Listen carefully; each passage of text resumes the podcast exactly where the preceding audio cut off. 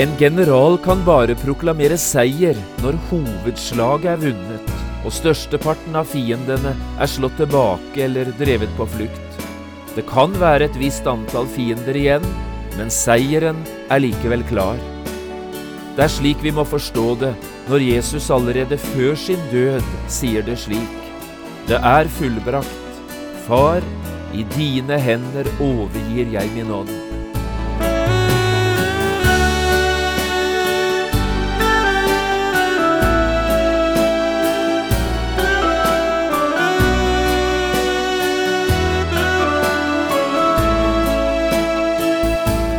Hjertelig velkommen til et nytt program i serien Vindu mot livet. Programmet er produsert av Kristen Riksradio og blir ledet av Jon Hardang. Kristen Riksradio drives av frivillige gaver. Vi er glade for din støtte.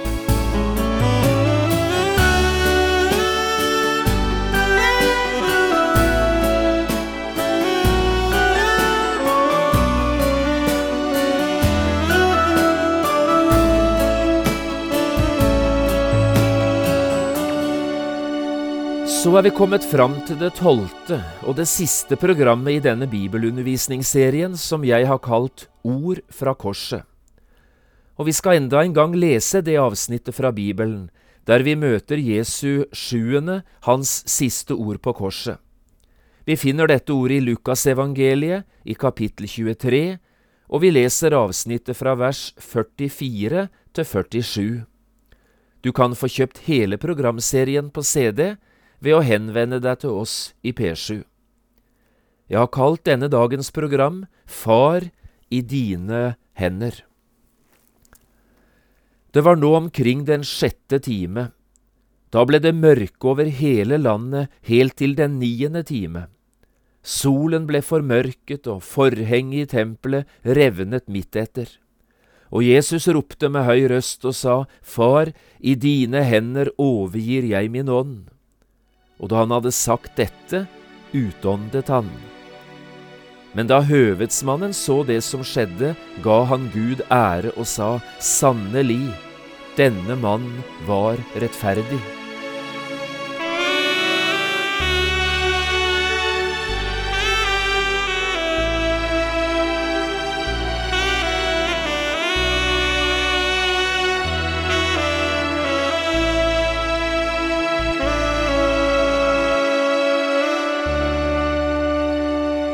Den store reformatoren Martin Luther døde 18. februar 1548. Legen hans, Simon Wilt, ville prøve et nytt og kostbart legemiddel på den syke mannen, og Luther tok til seg medisinen, men likevel sa han flere ganger, Jeg reiser, jeg reiser. Etter en stund sa han tre ganger, ganske fort, Far, i dine hender overgir jeg min ånd. Du har forløst meg, Herre, du trofaste Gud.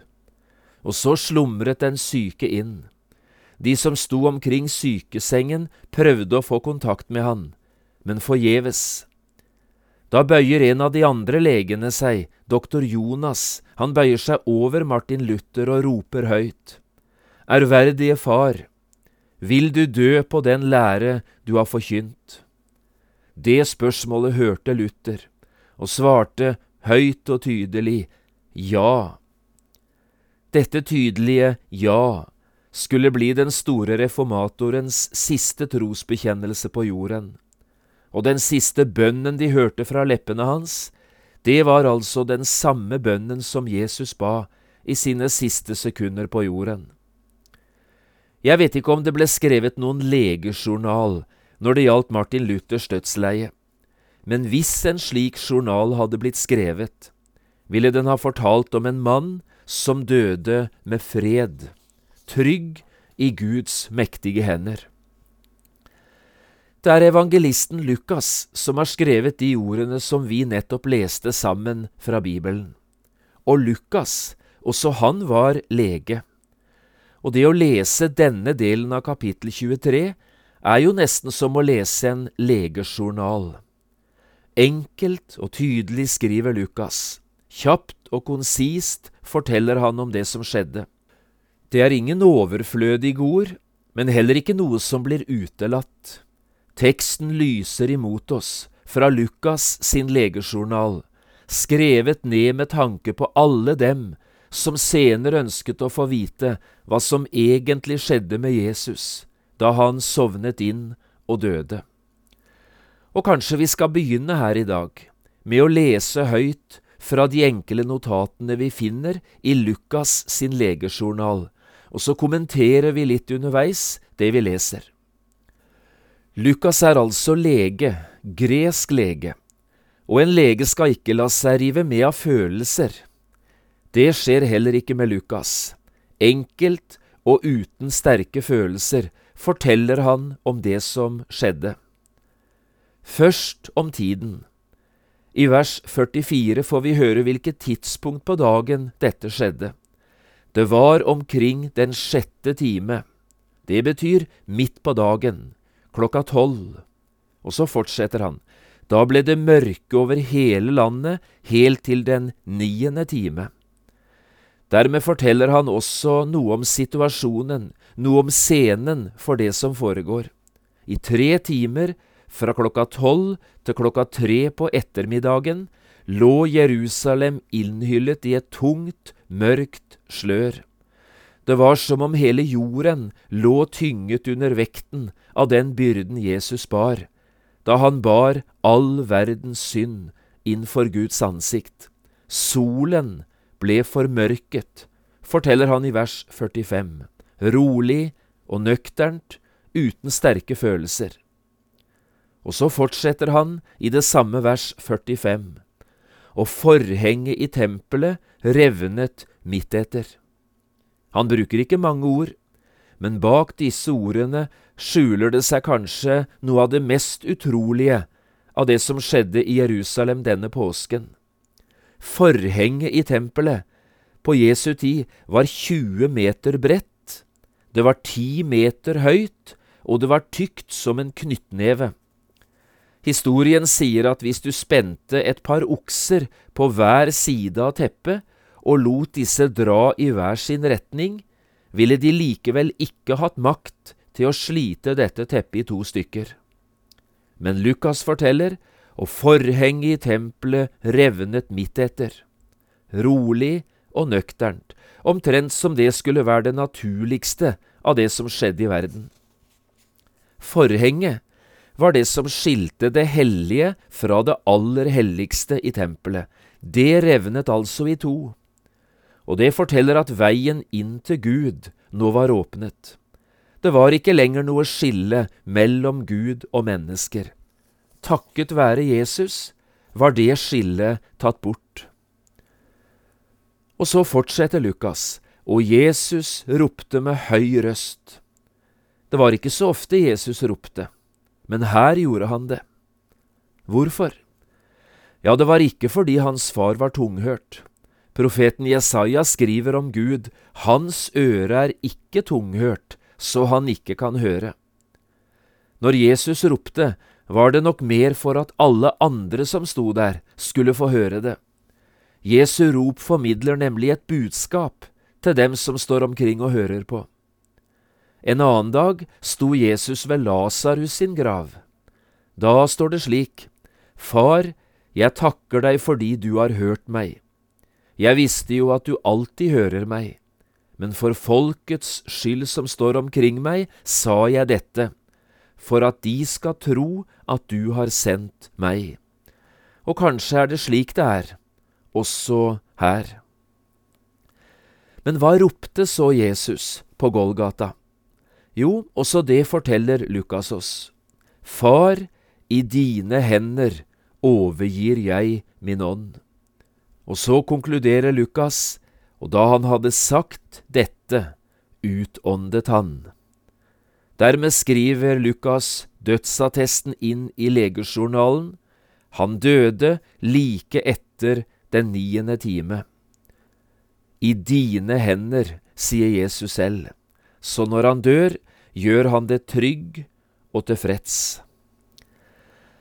Det var i Herrens hender Jesus lå da han døde. Det var ikke akkurat de hendene som hadde tatt hånd om han de siste timene på livsreisen. Da var det ganske andre type hender som hadde gjort sin gjerning med Jesus. Når Peter står fram på pinsedag og forkynner evangeliet for første gang etter Jesu død og oppstandelse, ja, så taler han nettopp om disse brutale og onde hendene. Peter hadde jo selv vært vitne til den behandlingen Jesus fikk, både i Getsemane og i yppersteprestens gård. Og nå forkynner han det, sterkt og dristig. Israelittiske menn, hør disse ord. Jesus fra Nasaret var en mann utpekt for dere av Gud ved kraftige gjerninger, under og tegn som Gud gjorde ved ham midt iblant dere, som dere selv vet. Han ble forrådt etter Guds fastsatte råd og forutviten, og dere slo ham i hjel idet dere naglet ham til korset ved lovløse menns hender. Det var slik Jesus var blitt behandlet, ved lovløse menns hender. Men hvis vi nå går tilbake til Lukas 23, får vi se noe helt annet. Far, i dine hender overgir jeg min ånd. Nå er scenen totalt forandret. Nå har lovløse menns hender ikke lenger noen mulighet til å nå Jesus. Nå er han utenfor deres rekkevidde. Nå er han trygt overlatt til sin egen fars gode og mektige hender. For en forskjell i det Jesus her opplever. For en forandring. Dette er kanskje et eget studium i Bibelen som vi ikke skal gjøre i dag. Men det å studere hvordan Jesus ble behandlet da han var overgitt i menneskers hender, det er ganske sterke saker. Jesus i menneskers hender. Å få se også den siden av Jesu lidelse, og få se hva det altså kostet Jesus å fullføre frelsesverket for oss, det vil gjøre Jesus enda mer dyrebar og umistelig for oss. Og det er en av de gode fruktene etter et møte med den korsfestede, at vi lærer å elske Jesus som den han er, og med alt det han har gjort for oss. Kanskje du skulle ta litt tid til dette og studere Jesus i menneskers hender. Men hva slags mottakelse tror du Jesus fikk da han kom hjem igjen, hjem til himmelen? For en tid siden så jeg noe ganske spesielt på TV. Jeg så det som skjedde da en som hadde vært gissel, ble sluppet fri og fikk komme hjem igjen etter flere måneder med fangenskap og angst og usikkerhet og umenneskelig behandling. Det var ikke mye formelt og stivt da denne mannen møtte familien sin igjen. Det var ingen av dem som håndhilste. Det var rett og slett rørende å se det som skjedde. Mannen som var satt fri, løftet sine hender høyt mot dem som han elsket overalt i verden, og så falt de hverandre om halsen og gråt. Det er jo i slike øyeblikk demningene brister. Ingen ord kan egentlig beskrive følelsene i det som skjer. Han som hadde vært borte i lange tider, nå var han endelig kommet trygt hjem igjen. TV kan være sterkt. Og kanskje var det litt av dette, eller kanskje enda mer enn dette, som skjedde da Jesus kom tilbake til himmelen igjen, etter sin lange reise på jorden. Vi vet ikke helt, men vi kan jo prøve å forestille oss det som skjedde. Faderen møter sønnen, demningene brister, og kjærligheten mellom disse to får fritt utløp. Jeg tror faktisk englene så noe den dagen som de aldri tidligere hadde sett. Far, i dine hender overgir jeg min ånd. Slik sa altså Jesus det. Ordet Lukas bruker for å overgi, er et ord som både kan bety å legge fram, slik du gjør når du dekker på et bord, eller å legge bort, slik du gjør det når du legger noe verdifullt i et skap eller kanskje i en bankboks. Det er altså som Jesus sier, Jeg legger min ånd over i dine hender. Jeg legger min hånd inn i din varetekt. Ellers syns jeg du skal legge merke til at Jesus ikke sa ett ord om sitt legeme, altså om sin kropp. Hva skjedde med Jesu legeme? Jo, først skulle dette legemet overgis til døden. Jesus var jo hengt opp på et kors for å dø en smertefull død. Og siden var det vanlig at den korsfestedes døde kropp ble kastet ned i Hinnomsdal, som var avfallsplassen i Jerusalem på sørsiden av gamlebyen, og her skulle kroppen brennes sammen med annet avfall fra byen. Men når det gjaldt Jesus, ville Gud det helt annerledes. I den fjerde sangen om Herrens lidende tjener, Jesaja 53, skriver profeten Jesaja noe interessant. De gav ham hans grav blant ugudelige, men hos en rik var han i sin død. Menneskene hadde sikkert tenkt å gjøre med Jesu kropp, slik de gjorde med kroppen til alle andre korsfestede mennesker, sikkert også de to som Jesus hang sammen med. Men Gud hadde helt andre planer. Johannes skriver om to som ville være Jesu disipler, men som fremdeles bare var de det skjulte, Nikodemus og Josef fra Arimathea. Hør på dette. De tok da Jesu legeme og svøpte de linklær sammen med den velluktende salven som skikk er hos jødene når noen begraves. På det sted hvor Jesus ble korsfestet, var det en hage, og i hagen var det en ny grav som ingen ennå var blitt lagt i. Der la de Jesus, fordi det var jødenes beredelsesdag, og graven var nær ved. Slik leser vi det i Johannes 19, 40–42, og slik gikk det i oppfyllelse, det David sier i Salme 16, 9–10. Derfor gleder mitt hjerte seg, og min sjel fryder seg. Også mitt kjød skal bo i trygghet, for du vil ikke overgi min sjel til dødsriket. Du skal ikke la din hellige se tilintetgjørelse. På pinsedag, som apostelgjerningene to forteller om, utlegger Peter nettopp disse ordene fra Salme 16 om Jesu død og oppstandelse. Og i Antiokia, apostelgjerningene 13, gjør Paulus akkurat det samme.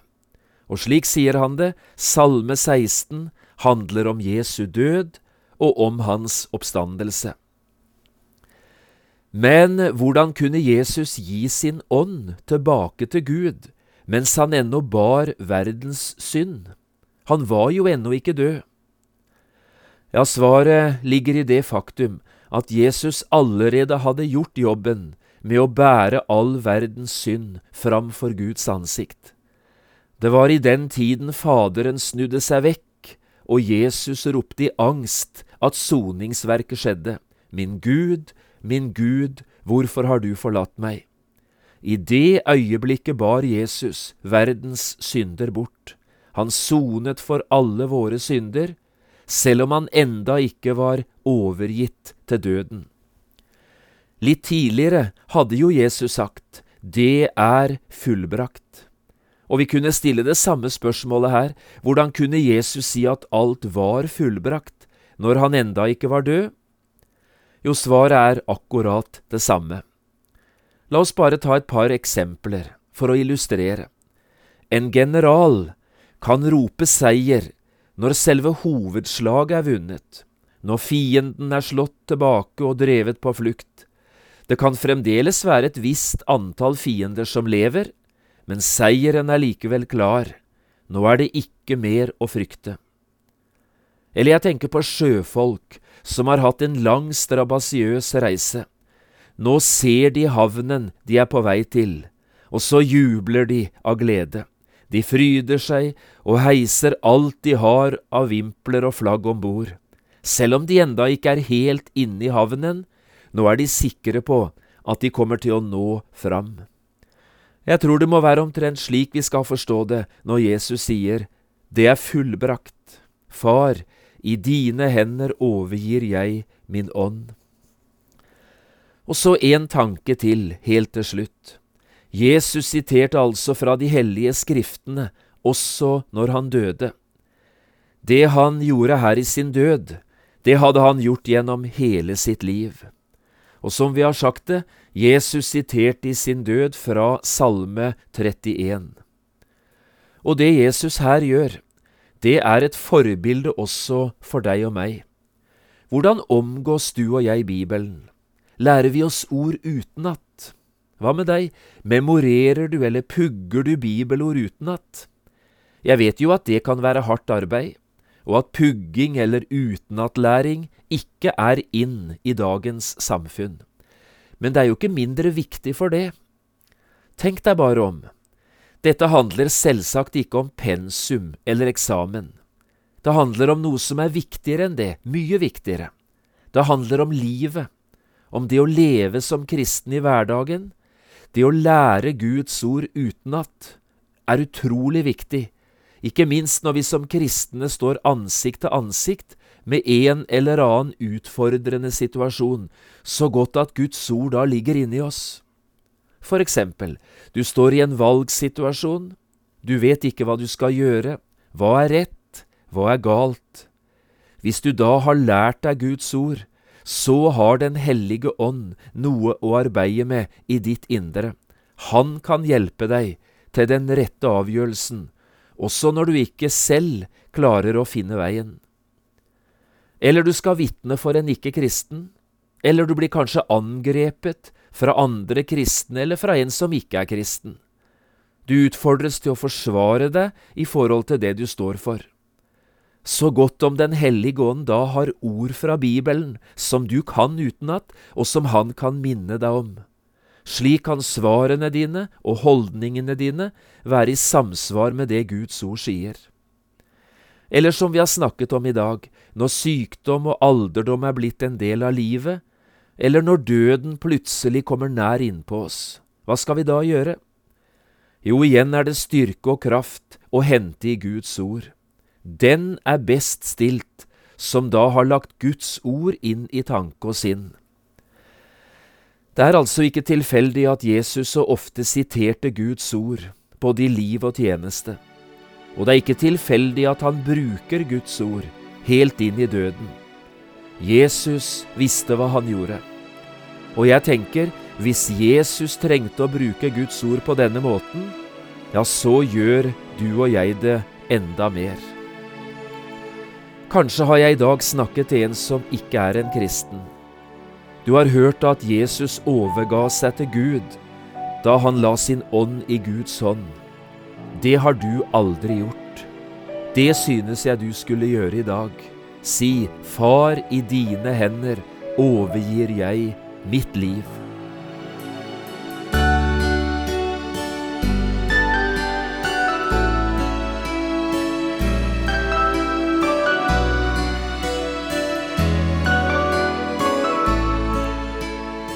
Du har hørt på et program fra serien Vindu mot livet med John Hardang.